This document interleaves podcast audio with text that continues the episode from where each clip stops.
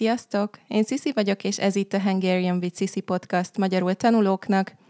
Ebben az epizódban megosztok veletek öt idegesítő dolgot, amit anyanyelviek csinálnak, amikor próbálsz velük beszélgetni, vagy elmondod nekik, hogy az ő anyanyelvüket tanulod. This podcast was made possible thanks to our Patreon community. By joining us, you can access the podcast transcripts and other materials and services for improving your Hungarian. If you want to join us, go to patreon.com slash Hungarian with Cici. Az első számomra idegesítő dolog az, amikor kiavítanak beszélgetés közben, és utána nem reagálnak semmit arra, amit mondtál. A javítással semmi bajom, az nagyon hasznos, és jó tud lenni, de nagyon idegesít, amikor nem kapok semmilyen reakciót arra, amit mondtam. Főleg, amikor tényleg valami kis hülye hiba. Például spanyolul ugye nem mindegy, hogy bueno vagy buena, o vagy a végződése van-e egy melléknévnek. Én ezt tudom, és értem teljesen, de amikor beszélek, akkor nem mindig mondom jól. Angolul is 20 év angol tanulás után is összekeverem néha, hogy he vagy she, mert ez magyarul nincs, de nagyon idegesít, amikor valaki félbeszakít, és ilyen kis hibát kiavít, mert értem, és akivel beszélek, az is teljesen jól érti, hogy mit mondtam, de oké, okay, jó, rendben, javítson ki, de utána miért nem lehet reagálni valamit arra, amit mondtam? Rossz érzés, amikor próbálok kommunikálni, és beszélgetés helyett nyelvórát kapok. Nem tudom, miért muszáj ennyire mindig a hibákra koncentrálni. Persze szerencsére nem mindenki ilyen. Az apósommal, a férjem apukájával mindig próbálok spanyolul beszélni, mert nem beszél angolul. És ő nem tudom, hogy csinálja, de mindig nagyon jól javít, és tényleg segít de ő mindig reagál is arra, amit mondtam, és utána kérdez, és ez egy igazi beszélgetés. Rajta érzem, hogy abszolút a kommunikáció neki is a lényeg. A férjem bátyja kétnyelvű, angolul és spanyolul is beszél, és vele nem akarok spanyolul beszélgetni, mert mindig csak idegesít. Ha mondok valamit spanyolul, akkor csak kiavít, és utána angolul folytatja. Ha spanyolul beszél hozzám, akkor csak olyan szlenget használ, amit nem értek, és nagyon gyorsan beszél, és utána nevet azon, hogy nem értettem. Az aposomat mindig értem, ő tud normális szavakat használni. Öm, aztán a második dolog a listámon, ami idegesít, az az, amikor átváltanak angolra, amikor nem kéne, és nem tudnak angolul, amikor kéne amikor valami nagyon egyszerű szituációt szeretnék gyakorolni, például rendelek valamit egy étteremben spanyolul, akkor mindig angolul akarnak hozzám beszélni. Például, amikor nyaralni voltam Mexikóban, és elmentünk egy étterembe, akkor mondtam, hogy a spanyol nyelvű menüt szeretném, és háromszor megkérdezte a pincér, hogy de biztos nem kell az angol? Van angol étlap is. Biztos nem akarod az angolt?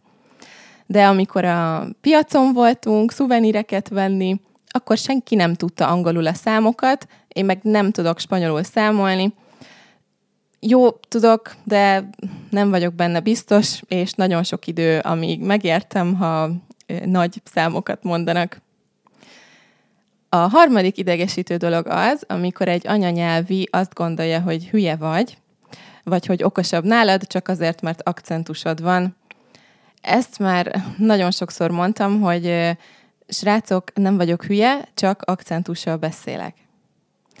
Egyszer például a férjem unokatestvérével beszélgettem a magyar nyelvtanról, és próbáltam neki elmagyarázni a magánhangzó harmóniát, hogy miért házban, és miért étteremben, mikor kell ban végződés, és mikor kell ben végződés, és ő nem tanult egy idegen nyelvet sem soha, én négy nyelven beszélek, és nyelvtanár vagyok, és elkezdte nekem magyarázni, hogy mi a magánhangzó és a mással hangzó, vowel és consonant, mert szerinte én nem jól tudtam.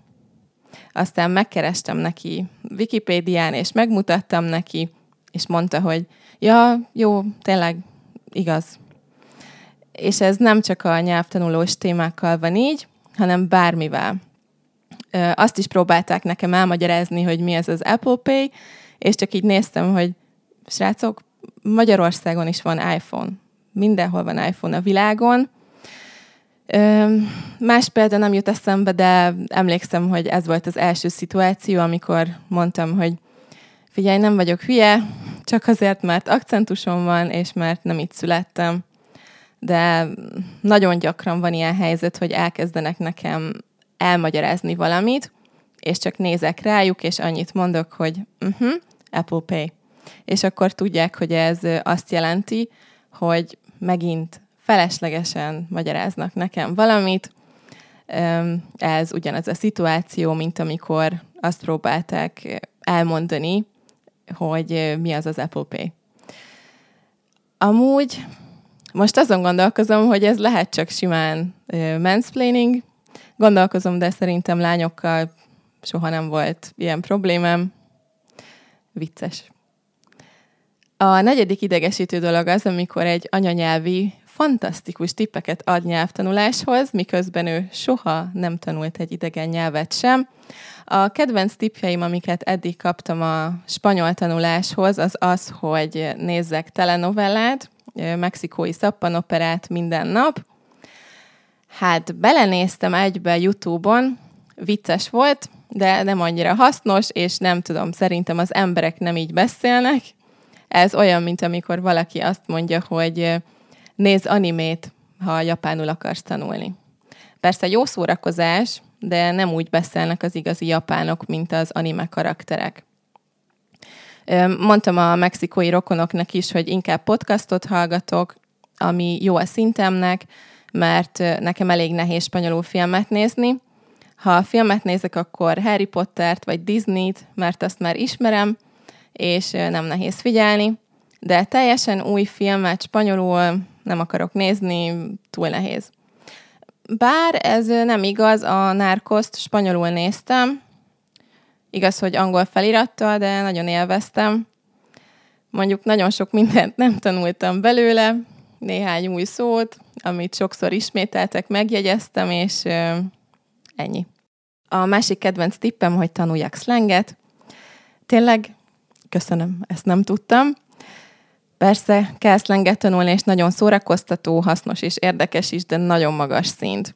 Amikor nem tudod még az alapokat, akkor nem lehet azonnal nagyon nehéz szlengel kezdeni. Ha még nem tudod, hogy hogy kell azt mondani, hogy mm, nem értem, mit mond az a férfi, addig nem biztos, hogy hasznos megtanulni azt, hogy nem vág ez, hogy mit vakerál az a manus. Ez a két mondat ugyanazt jelenti, nem értem, mit mond ez a férfi, és egy slang verzió, nem vág ezt, hogy mit vakerál az a manus. És a férjem bátyja mindig ilyen, tip, ilyen típusú, nagyon személy specifikus slanget akar tanítani, amit nem mond senki, csak ő. Majd később lehet, hogy hasznos lesz, ha nagyon pró leszek spanyolból, de most nem biztos, hogy fogok emlékezni ilyen szavakra, mert még túl nehéz. Öm, azt is utálom, amikor azt mondják, hogy olvassak gyerekkönyveket. Egyáltalán nem könnyű egy gyerekkönyv, sőt, igazából sokkal nehezebb külföldieknek, és sokszor olyan szavak vannak bennük, amikre semmi szüksége egy felnőttnek. Sokkal, sokkal bonyolultabb egy gyerekkönyv egy nyelvtanulónak. Középhaladó, haladó szinten már lehet érteni egy gyerekkönyvet szerintem, de előtte, fú, nagyon nehéz. Na és az ötödik és egyben utolsó idegesítő dolog, amit ö, anyanyelviek csinálnak, az az, amikor rólad beszélnek, mert azt gondolják, hogy nem érted, vagy tudják, hogy nem érted. Ez lehet vicces, és igazából ez ö, talán nem mindig idegesítő, attól függ, hogy mit mondanak. Ö, egyszer az anyósom mellett ültem a kocsiban, aki az apósommal beszélt telefonon, és az anyósom kérdezte az apósomat, hogy mit vettél a Sziszi születésnapjára. És én mondtam, hogy ne, ne mondd el, mert értem. Az például nagyon vicces volt, de amikor látom, hogy rám néznek, miközben beszélnek, és nem értek semmit, az tud frusztráló lenni. Na, én ennyit akartam mondani ebben az epizódban. Írjátok meg kommentben, hogy titeket mi idegesít, amit magyarok csinálnak, amikor próbáltok magyarul beszélni. Nagyon kíváncsi vagyok. A Patreon tagoknak pedig köszönöm szépen a támogatást, és sok szeretettel üdvözlöm az új tagokat is, akik név szerint Nathanael, Natalia, Ale, Lois, Sara, Caitlin és Alicia. Nem sokára találkozunk a következő részben, addig is sziasztok!